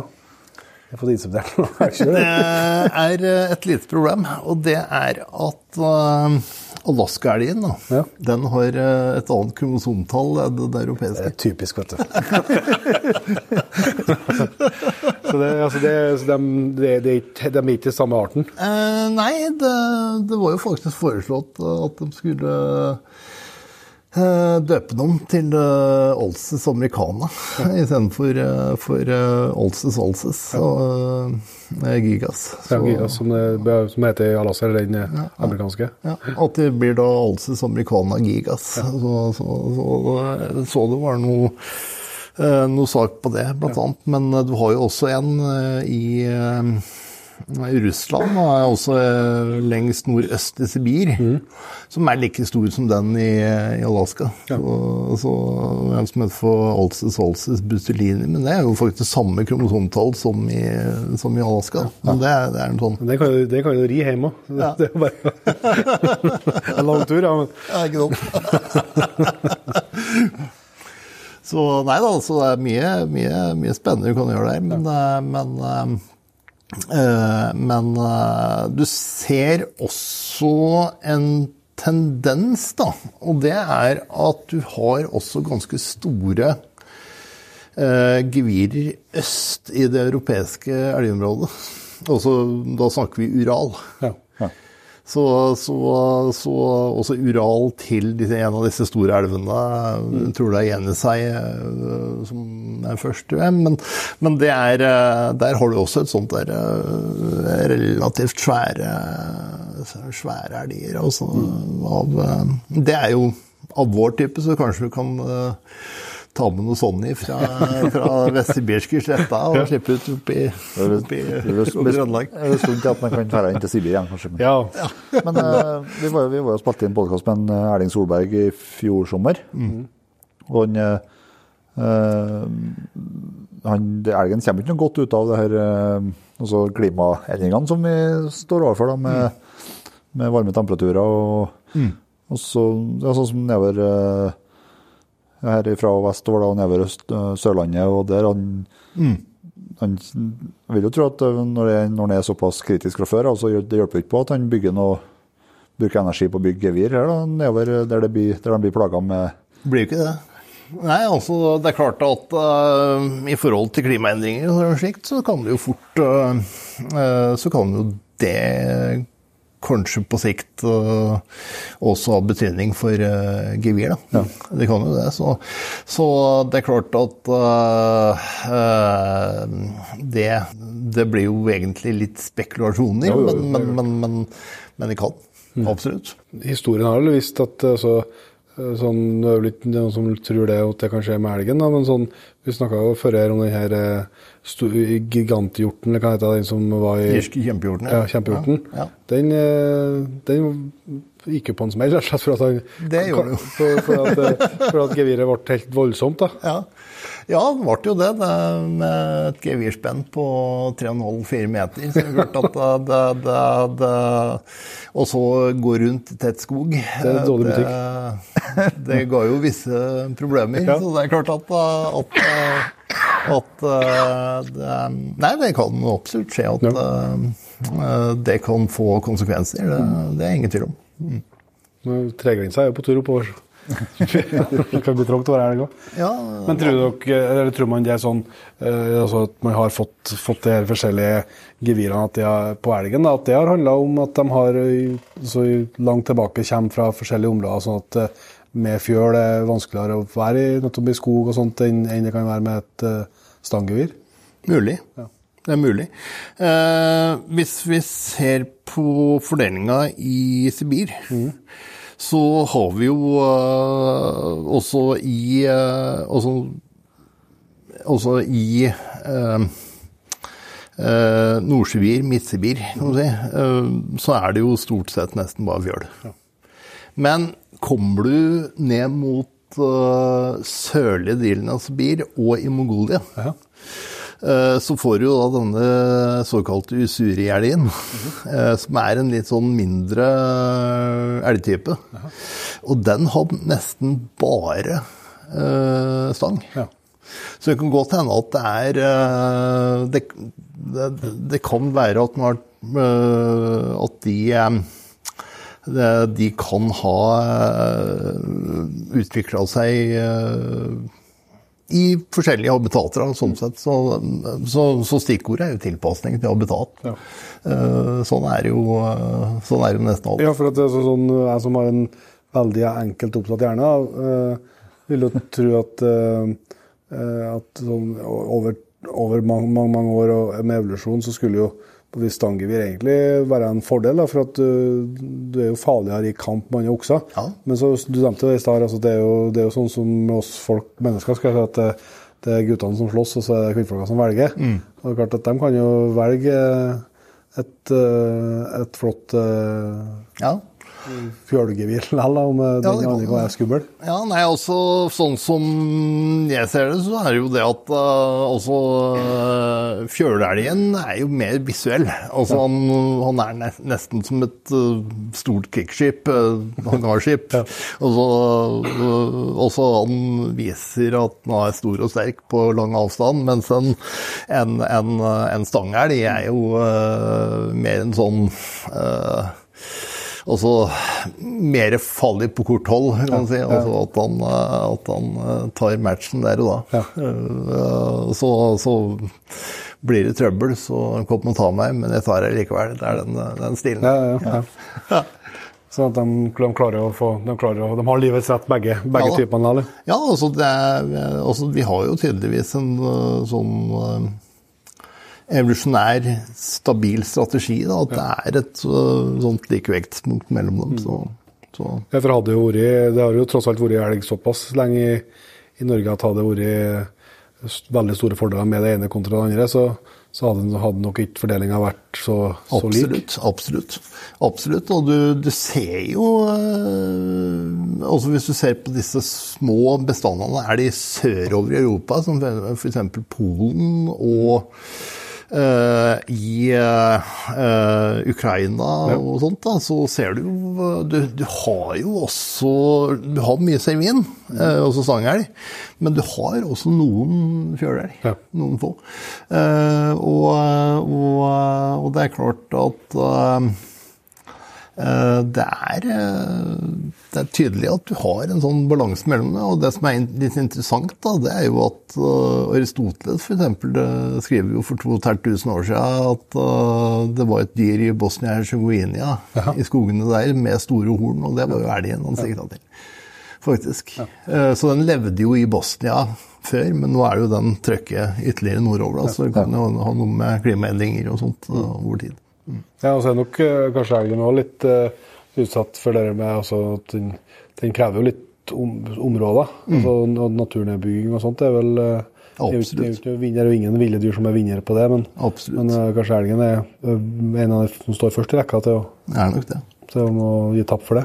Absolutt. Det tror jeg nok. Mm. Uh, men du, bare, du skal, må snakke litt om de andre dyrene som har gevir, men vi, vi er jo glad til elg. du, du snakka altså at du, din hunch er at liksom det her altså det genetiske som, eh, som, gir det ene det andre på gevirsida, er mer sammensatt enn vi, mm. enn vi vet i dag. Mm. Eh, men hva, hvordan kan man eh, finne ut av det? Hva, altså ja, altså Nå finnes det jo mye fine genetiske tester. Også du har jo mye innenfor molekylærgenetikk, f.eks. Ja. Du kan gå på populasjonsgenetikk. Du kan uh, bruke eh, blodprøve. Du kan til og med ta genetikk fra bein. Eh, altså genetiske prøver fra bein. Eh, du kan du kan jo drive med det som heter full genomsekvensering. Altså at du tar hele genmaterialet. Og så kan du jo se på hvilke gener som, som påvirker uh, ulike trekk da, og karakterer. Så, men så klart uh, Sånn koster jo penger. Så, så, så, så, så, så, så. Ja, så, så vil jo sannsynligvis sånn være vanskelig, kanskje, og selv om jeg altså, hvis vi har forstått mer av det, mm. altså, vi, har, vi, har, forstått, vi vet hvordan det funker, mm. så har det kanskje vært vanskelig for en forvalter og for en jeger å fått uh, gjort så mye til eller fra for å påvirke. da. Det eneste som jeg tror forvalteren og jegeren burde konsentrere seg om, er å heve gjennomsnittsalderen. Ikke skyte ham. Nei, kanskje vente et år eller to, men, eh, men, eh, men, men, i hvert fall det som, det som tydeligvis har fungert, da, det er jo å heve gjennomsnittsalderen. Ja, så Ser til, til folderen, så ja. De har jo ganske tydelig signal på at det har funka? Ja absolutt. Og det, også for en 25 år siden så var jo kvaliteten på elg i Folldalen ikke så god som den er i dag. Nei. Nei. Så, så, det er klart at, at, det kan funke, og så har de den modellen sin. Da. Eh, med at de eh, har da med antall tagger på litt eh, På, på, på ja, Jeg husker ikke helt detaljene der, men i hvert fall så har de en relativt god modell da, som, som fungerer, ja. tydeligvis. Og de har jo fått opp ganske mye pent de siste 10-20 åra. Ja. Ja, det, det, er jo det er en vanlig modell, vet jeg, fall, kanskje oppe i Folldalen og i Østerdalen, og greier at man freder mellomoksene. Altså at man freder at man skjøt opp til seks bier. Mm. Og så altså, man freder mellom 7 og 13, da. Mm. så tar man ut storokser fra 14 og opp, mm. oppover. Mm. Uh, men så så jeg i artiklene som du har skrevet her, at, at uh, det kan være en fordel for, for de oksene som da uh, som har stangevir. da. For at de vil jo egentlig aldri bli tatt ut, dem. da. Evig freda. Nemlig. Så det er jo selvfølgelig en fare. Ja. At, du har, eh, at, du har, disse stangegevira, som tross alt ikke får mer enn 12-14 dager. Nei. Og da blir jo dem eh, Da har jo dem en stor fordel. Ja. Det vil jo det. Mm. Så, så, så det, det, er så klart enhver forvaltning eh, er jo bønnen med en viss risiko. Ja. Det vil jo. Men det er kanskje noe som er ekstra oppmerksom på i i områder med stor utstrekning av stangevir ja. kontra fjør. Da. Ja, F.eks. Uh, ja, sånne steder som Telemark, Agder, som har mye stangevir. Der, ja. der må man kanskje være mer mer obs på det, da. Mens uh, f.eks.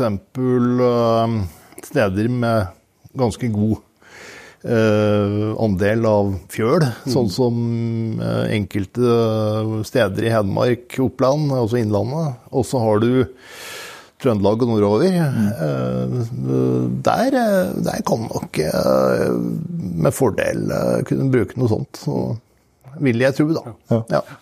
det er jo et, et tema i seg sjøl, altså med med, du, snakket, du nevnte jo Tsjekkia og liksom, Sentral-Europa. Så både at det, de har et annet fokus og tradisjoner knytta til det med gevir og trofé, mm. eh, og har et, eh, et, eh, lært seg både metoder og uttak som, som gjør at de hele tida har, har eh, en bra andel av kapitale dyr i, mm. i bestanden. Mm. Eh, det er jo litt sånn utfordring som er litt vanskelig å klare å komme på noe sånn altså Du har jo de tagbegrensningene de kan jo på en måte sette. da, men, mm. men, samtidig så vet en jo at det altså, Du kan jo jeg vet at du kan få i, i en del områder et rødt merke på geviret, mm. på trofeet ditt, hvis du har, eh, mm. hvis du har skutt, skutt et, eh, en mm. seksdager rådyrbukk som ikke var full mm. liksom. Mm. Så, så, hefter det litt skam. litt skam ja, ved å ha skutt feil, feil, dyr, da. Ja. Uh, men det er klart at i, i, norske skoger og fjell så er jo det en utfordring med bare for meg ser kanskje spesielt på elgen, med, med at de aller fleste jegerne ser ikke så mange Altså det er vanskelig for den jevne elgjeger, meg sjøl inkludert, ikke noe ser, mm. å klare å vurdere om mm. den elgen jeg ser nå, er det et kapitaldyr, eller er det, mm. er det, en retur, eller er det en som er på tur opp. Og ja. Det handler jo om at om at tross alt, selv om du er ivrig til å jakte elg, så, så, så ser du ikke Ja. du, du kan ikke ta en runde og, og, og vurdere 15-20-30-40 elgokser på per dag, liksom, som en Nei, det- yrkesjeger kan gjøre. Uh, Det, det, er klart, det er klart, men jeg har faktisk også vært med på det på den type jakt i Slovakia, på fjelljakt. Ja. Og, og der, ok, der var det jo en, en, en guide da, Mm. som drev og så på han han kom, for jeg har jo skutt en hjort der nede. Ja. Uh, og det var uh, Og da så han jo på uh, geviret i noen sekunder, og så tok han da avgjørelsen og så skyt. Eh, og og da, da, da var det jo sånn at i forhold til alderen og sånt, men så klart, de kjenner jo nesten hvert dyr, vet Ja, du. er For de er jo mye i skau- skauen og ser jo disse dyra. De, de kan jo og det er klart at eh, man kan kanskje ikke eh, forlange at folk skal sitte på hver tue, bortover i fjellet og se på hver elg og rensbukk som, som, som, som, som, eh, som, som går rundt. Da. Men så klart kan det være noe, noe hva skal vi si, eh, noe retningslinjer, selvfølgelig. At man Ja, for jeg tror du må liksom gjøre det på en enklere måte. for Sånn som vi har gjort mye nedover Sentral-Europa, så, så handler det jo om som du sier, de har, de, det, det er mye både ivrige jegere med yrkesjegere og, og jaktklubber som har veldig kontroll på bestand, og, og kanskje en del av dyrene å bruke et, et, et ganske mye mindre areal enn hva det typiske kan være, i hvert fall på elg og sånt. da. Ja da. Det er, også, det er klart at elgen kan jo, øh, jo øh, Elgen kan jo vandre ganske langt. Så, så det er klart at, øh, at øh, for elg så er det jo øh, klart en utfordring sånn sett. Så, så det er jeg helt enig i. Og det, Så kanskje er det lettere å følge med med standene når du har såpass med kulturland, da, som det er nedover, mye mer, mer til nedover i Ja, og det, og det skjer jo at det er, det er jo en del som har noen områder i Norge som har tatt til seg mye av den læringa, kanskje spesielt på rådyr. da. Og Det har jo, det fungerer jo akkurat like bra i Norge, det. Og, og spar, spar de rette dyrene og ta ut de Ja eh, tar ut til rette, så, så får du jo store, flotte trofeer. Det, er- dyr etter er hvert. det. er det jo. Helt klart. Hva, hvis vi prøver å legge elgen litt til, til sides, eh, et gevir som er Alle gevir er både interessante og imponerende når de er store, men, men det er som imponerer meg voldsomt, det er jo hjorten. Eh, og da er jo mye ved at, at det går jo så sabla fort. Ja, det. Den, eh, det er jo ikke mange månedene dette her vokser fram på.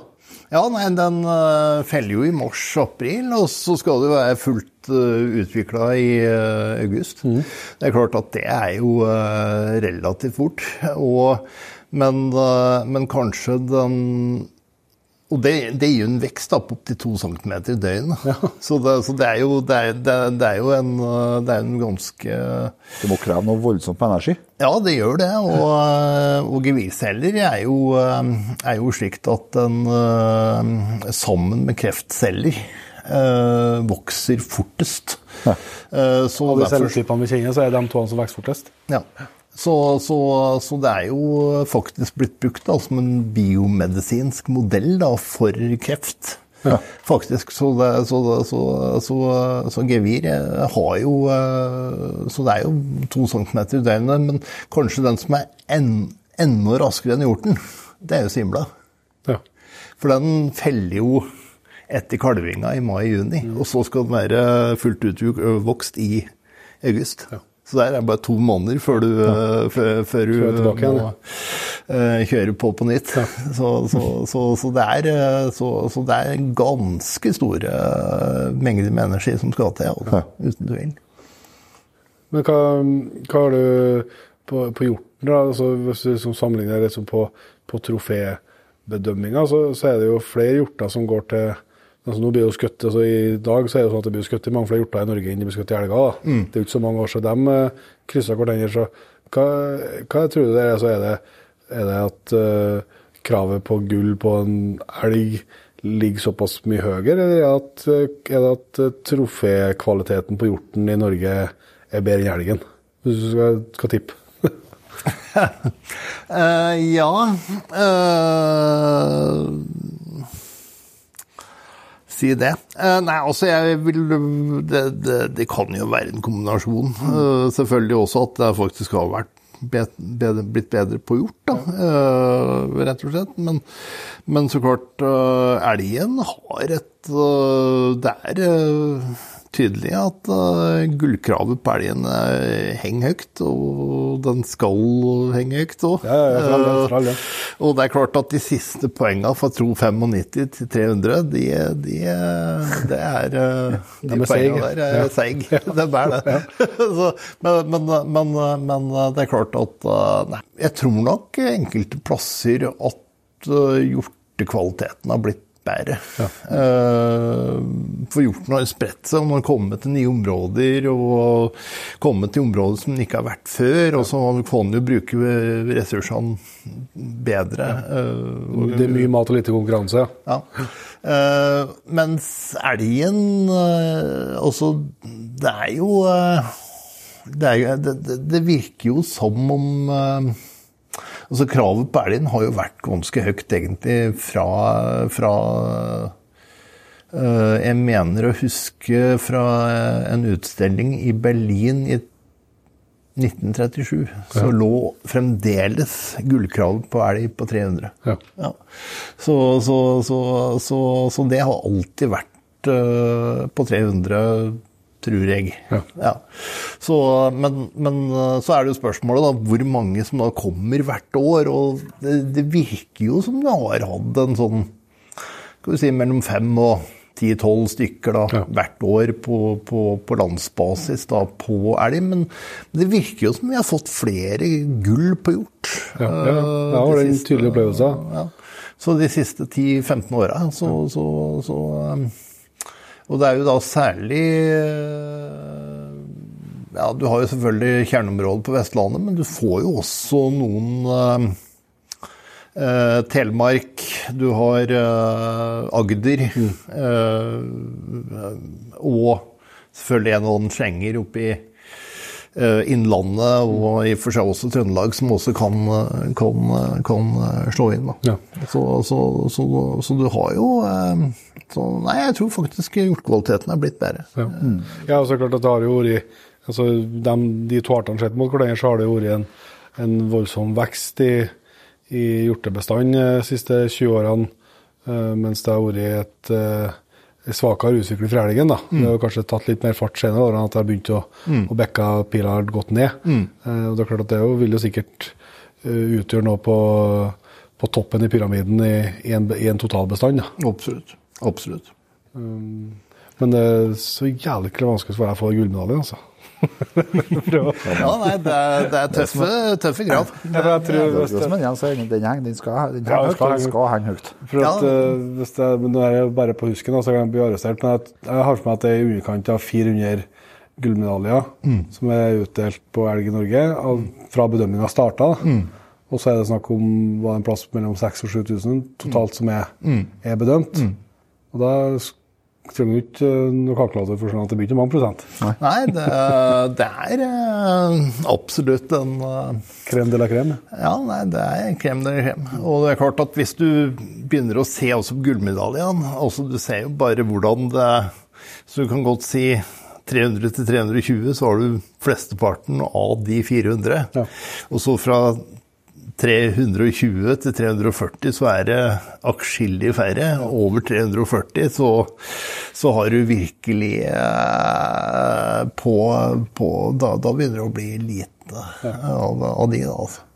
Det, jeg tror det er kanskje rundt en 15 stykker på rundt eh, 340. Ja, for jeg har for meg, jeg har for meg den som ble bedømt til Rørvik, som jeg har for meg var 346. den tror jeg havna på 16.-plass eller noe ja. tidene. Ja, kanskje rundt 20, da. 20 så, ja, så jeg tror jeg, det, det, det er landet en plass. Ja, ja. så det er ingen tvil om at det er eh, det er, eh, det er eh, ganske strengt å komme seg opp i de høyere lag, for å si det sånn. Hmm. Men du, er, det, er, det, elgen du har forska, liksom, gjort forskningsarbeid på på gevirsida? Er det flere av artene du har jobba på den måten med òg? Holdt på med rådyr. Ja. ja Eh, drev og så på, på eh, jaktseleksjon ja. på rådyr eh, i Tsjekkia. Ja. og da så jeg på dette her med eh, dette med åpne områder kontra skog, da, eh, blant annet. Og det er klart at eh, det er jo lettere da å jakte i kulturlandskapet, jordbrukslandskapet, enn å drive og jakte i tetskog. Eh, det er jo. Eh, og så er det jo dette her med eh, men, det for, men jaktseleksjon er jo, er jo litt forskjellig. Også det kan jo være at ok, du går etter de største dyra, ja vel. Men du kan også måtte betale, sånn som det er i en del steder i Sentral-Europa. At du må betale for en troféavgift. Mm. Jo, jo, større det trofeet er, jo, jo, flere euro er du nødt til å plassere på bordet. Så, så, så, så det har noen det, det, det, Man ser jo da en klar um, tendens da, til det der. Ja. Um, så, det er, det, er, en del uh, ting som man kan se på, selvfølgelig. Mm. Ja.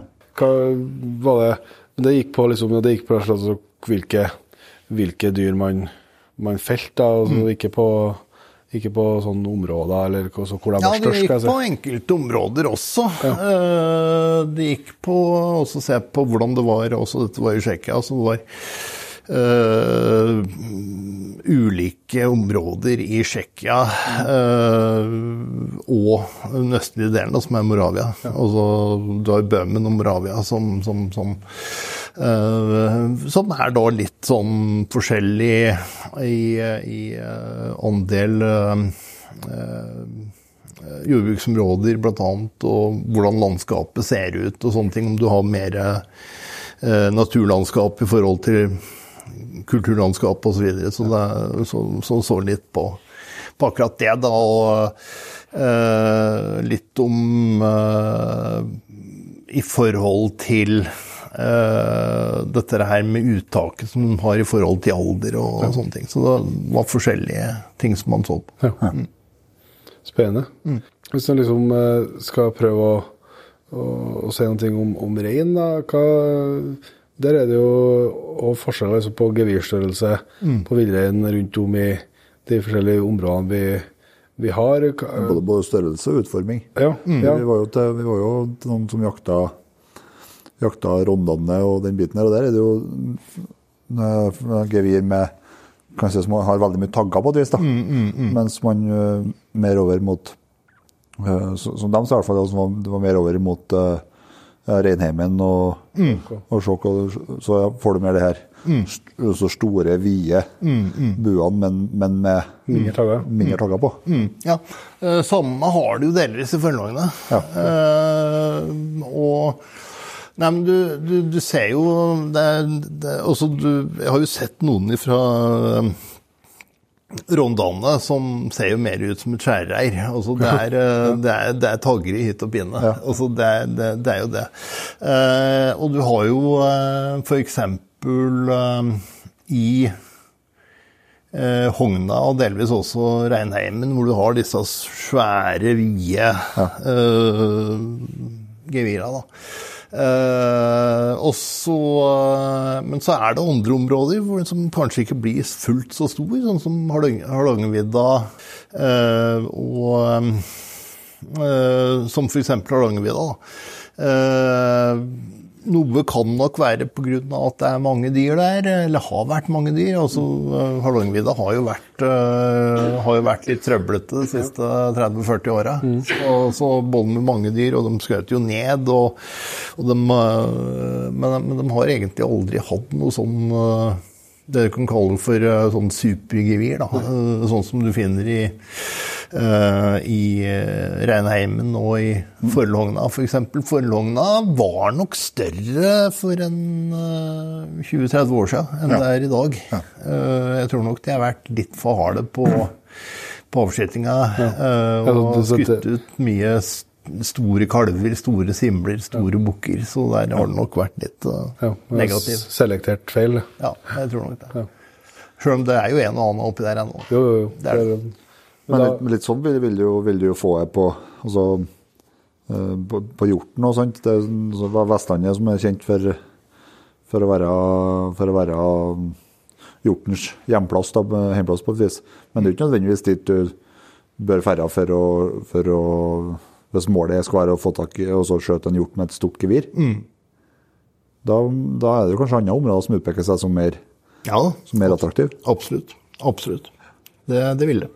Men eh, er det, er det sånn at det er rein og elgen som har forskjellige gevirtyper, mens eh, Jeg vet jo at det ikke hjort og, hjort og rådyr ser like ut, men har de forskjellige liksom, Ja, det har de. Som, som vi har navn på? Liksom, som vi Det, på? det har de. Også jeg, så, jeg, jeg kom borti noe sånn ungarsk eh, alle, alle steder.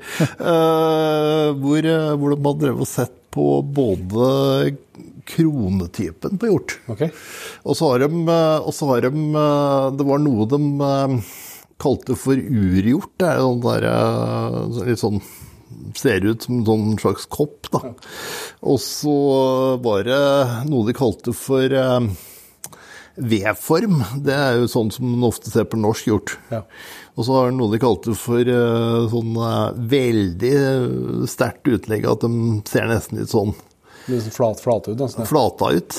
Og så var det noe de kalte for eh, eh, Skal vi se eh, Bille. Ja. Da går den rett opp. Og så har du taggene som går, eh, går eh, ut. da. Og så var det noe de kalte for hjul. Eh, Da, da ser den også sånn ut. At, den var, eh, at, de, at de nærmest danner da en sånn derre Nesten går, du går sammen igjen på toppen. Går litt sammen igjen på toppen. Og så har du kroneformen da, med begerkrone og alt mulig rart i tillegg. Eh, på rådyr så har du faktisk også noen former. Eh, du har eh, en som går eh, rett opp, som er parallell. Og så har du en som går eh, hvor den da går ut som en sånn V-form. Så har du den som kanskje er mest vanlig, sånn eh, kopp eller beger, eh, eller sånn eh, eh, kurv, kurv, kurvform. Og så har du lyreformen, hvor du da går først opp, og så får den da en sånn eh, bøy ut på den måten der. Det ser ut som en orrhane. Orrhanesaken. liksom, ja. ja. Og så har du, skal vi se, du har vel eh, Ja, du har vel en til. Eh, Hva heter den, da? Eh, i, i, ja, nei, det, det, det, det er i hvert fall det Jeg kom på i farten. det er i hvert fall, det, det, det de jeg kjemper i farten. Jeg skrev faktisk en liten notat til Tsjekkiske Jegerforbundet etter at jeg drev og sett gjennom eh, Jeg tror det var en, eh, noen hundre rådyrbilder. Ja. så, et mønster av det. ja, så jeg, drev og, jeg drev og så litt eh, på dette ja. der, så, så, så det. Så det fins ikke eh, Nei, for på, på, på hjort og rådyr så, så har vi sett så, så ser jeg at de ikke liker alle oppslag, men jeg har ikke tenkt over liksom, at det er Forskjellige. er forskjellige typer. Nei. Nei. På elgen Nei, men så når han, når han forklarer sånn, så du kjenner igjen noen av dem. Ja. Ja. Ja, så du har jo du, du, og, Men de, de, altså, forskjellen er jo ikke lik. Altså, forskjellen blir ikke like synlig som på, som på en diger stangokse eller en Nei, Nei, ja, det er det, det- det vil jo det er klart at, de, at på elgen er jo veldig sånn distinkt, da, Ja. kan du si. Men eh, hvis du tenker på rein og de forskjellige, at, eh, tenker dere at det kan være at, eh, at det altså, Det var jo ikke eh, Når de første jegerne kom eh, krypende innover landet her eh, på jakt etter rein, så var det jo sikkert rein litt overalt. Men, men eh, det kan handle om at de har, har forskjellig opprinnelse når de kom til landet. Altså at, det, at det er så stor forskjell, eller er det mer at de har eh, at de, eh, Sånn som vi snakker om elgen, skal jeg si. Mm, Ja, eh, det er ikke godt å si. Men, eh, men jeg så noe eh, Jeg så noe som var skrevet om dette på formen på reinsgevir. Ja. Var noe som uh, helt for uh, Mammals of the USSR, faktisk. uh, så, så, da var det jo en av disse russerne som drev og skrev om dette, men, men hvordan, hvordan dette her har liksom kommet inn i landet etter istiden og sånt, det tror jeg det er ingen som har skjønt det, men du ga meg en idé.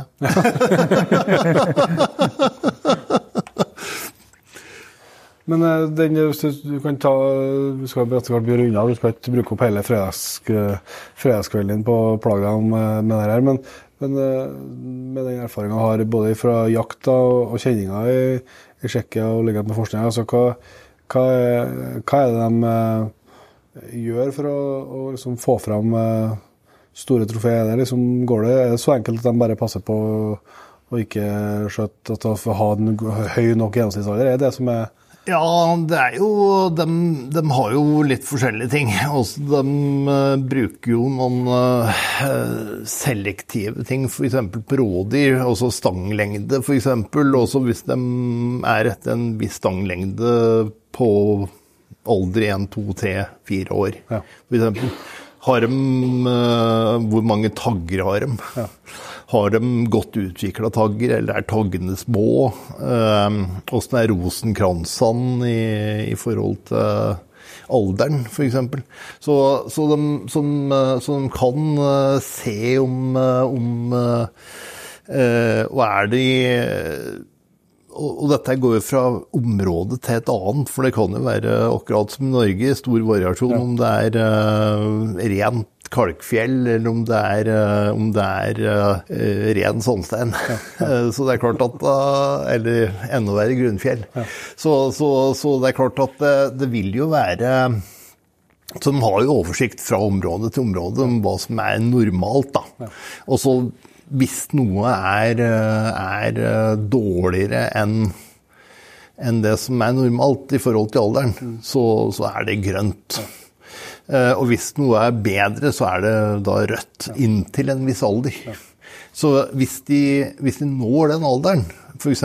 hos rådyr så er det seks år, og er det hjort så er det vel 11-12 år, eh, da øh, åpner de. Eh, så, så, da vil de jo eh, Da har de egentlig blitt ferdig utvikla, og da er det, er det fritt fram.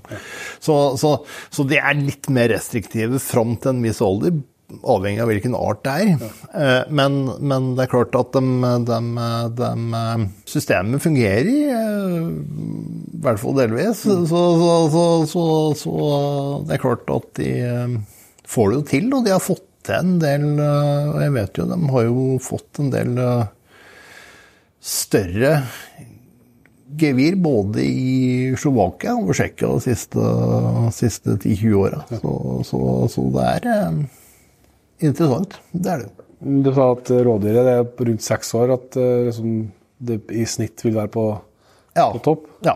Og da hjorten, hjorten i Norge er det så gammel som 11-12, liksom? Ja. Før den er helt på Faktisk. Ja. Eh, men det varierer jo litt, da. For, eh, for uh, i Tsjekkia så har de grensa på tolv år. I Ungarn f.eks. så har de grensa på ti. Ja.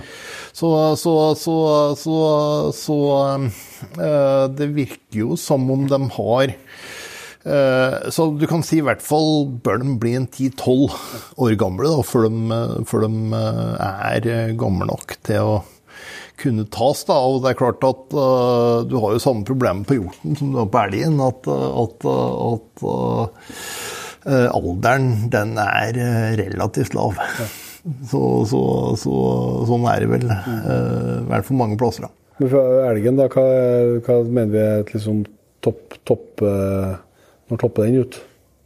Ja, bør Nå er det jo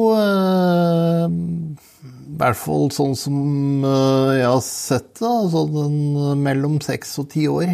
Ja. Den derre uh, Volrim-elgen, vet du, denne som har europarekorden, den offisielle europarekorden, tatt i Nord-Sverige på 80-tallet, den var jo den var riktignok bare seks år. Ja. Den som ble norgesrekorden, var jo åtte. Ja. Så, så uh, det er klart Så vet du, det det som er forbaska vanskelig, at du hvis du skjøt en, eh, en, gullokse, en kjempegullokse på seks år, mm. så kan han tordes ut på sju. Ja, ja. Det får du aldri svaret på. Det, det, det, er eh, Hva er det det heter? Eh, etterpåklokskap og alt det der. det, vet, det, er jo litt kinkig bestandig sagt, da. Ja, ikke sant. Nei, så det er klart at Nei, men så klart når du sitter på post der sant, og du ser denne der, der komme, så klart du har Ok, du har tre sekunder ja. på, å avgjøre om du skal ta den eller ikke. Ja. Det, en, seks det, eller sju år. ja. Nei, men det er klart at det, det, da kommer du inn der altså, med uh, mengde, mengdetrening, sånn som den guiden du forklarte omstand som har sikkert sett tusenvis av store hjortbukker. Absolutt. Da klarte det og, og har fasit mange ganger, så at en faktisk kan si om vurderinga var riktig eller ikke etterpå. Ikke ikke det er klart at Da har du et helt annet utgangspunkt enn eh, enn hva den eh, Det er jo ikke, det er ikke mange i Norges land som har, eh, som har sett eh, hundrevis av kapitale elgokser. Det er nok ikke det.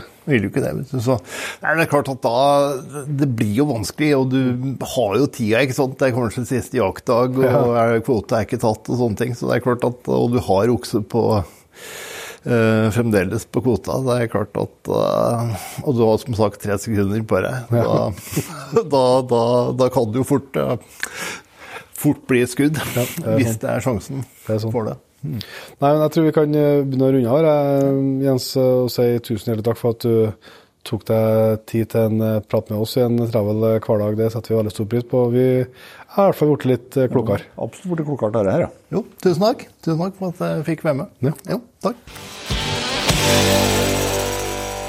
Det var altså Jens Engan. Eh, som du skjønner, hvis du har vært med oss helt hit, eh, så er det jo en kar som eh, har eh, en viss forkjærlighet for gevir.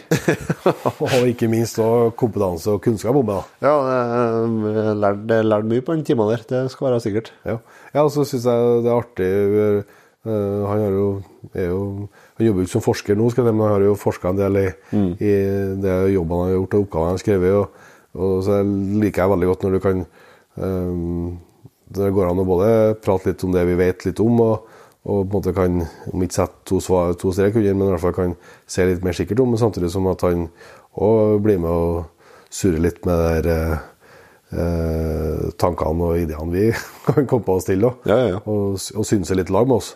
Så, så det syns jeg var veldig interessant. Og jeg lærte, jeg lærte mye nytt. Ja, ja, ja. Jeg hadde ikke at det fantes eh, så mye forskjellige Først lærte jeg noen nye ord, eh, men at det finnes så mye forskjellige gevirtyper av de her eh, artene vi har. ja, ja, ja. Eh, eh, og jeg skjønte jo en del av det når du forteller det. Ja. Det. Det, det er noe til å si seg en del sjøl. Ja, men jeg har liksom aldri tenkt over det. Eh, Så må jo eh, beklage til dem som ikke er så interessert i elgevir som vi er. at vi, det ble jo i overraskende ble det jo kanskje litt mye elgprat. Ja. Men eh, det har litt med hovedoppgaven til en, eh, Jens Øra også at vi, vi har jo en eh, Vi spekulerer litt på elgevir. Det er bare å legge seg langflat og innrømme det. Det er det.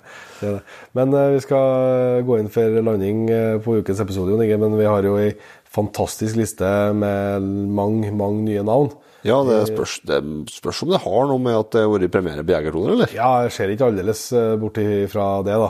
Men så kan det jo være at det er noen som har bare lyst til å sikre seg plass i trekkinga hvis det skulle nå 4000 og det skulle Ja. bli aktuelt med trekking av, av en Canham ATV og Blazer R1 Ultimate. Ja. Eh, Det kan jo være, det kan være begge delene. Men det er mange gode grunner til å bli P3-en. Ja, ja, ja. Det, det er så mange at jeg kan ikke begynne på å snakke om det, for da blir det for sent.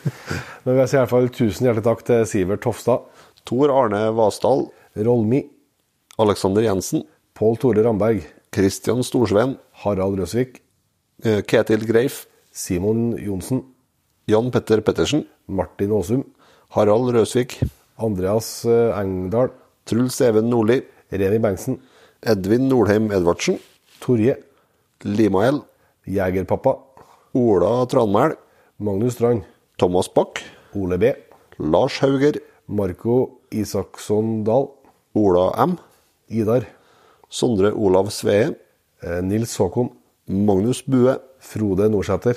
Hilde Løkås, Henry Falk Klausen, Magnus Selegg, Ole Kveen, Tom Christian Molden, Brynjar Harsvik, Ole Mo Stensønes, eh, Erik Strand, Sverre, Kim Torkil Lyngstad, Andreas Tuveng, Ingrid Marta Gifstad, Christer, Albert eh, Haustveit, Terje Midtbøen, Raimond eh, Edisen, Vegard Elnes, Magne Skogli, Tor Christian Torkildsen, Håkon Hansven. Jørgen, og Torvald Søraune. Tusen hjertelig takk til alle dere, og selvsagt til alle s- fantastiske Patrien som er med og, og gjør dette eh, mulig for oss. Det er vi dere eh, evig takknemlige for. Da tror jeg vi runder av, Jon Inge, og eh, tipser jo om både nettbutikk og Jegerpodden live på Lillestrøm og, Og i, Ja, vi skal jo ut i helga, vi. Ja, vi skal til Alvdal og skal til Meråker og yes. Og Os neste helg. Så det er litt farting. Det er veldig bra. Så vi runder bare av her og ser vi som vi bruker til neste gang. Vi høres.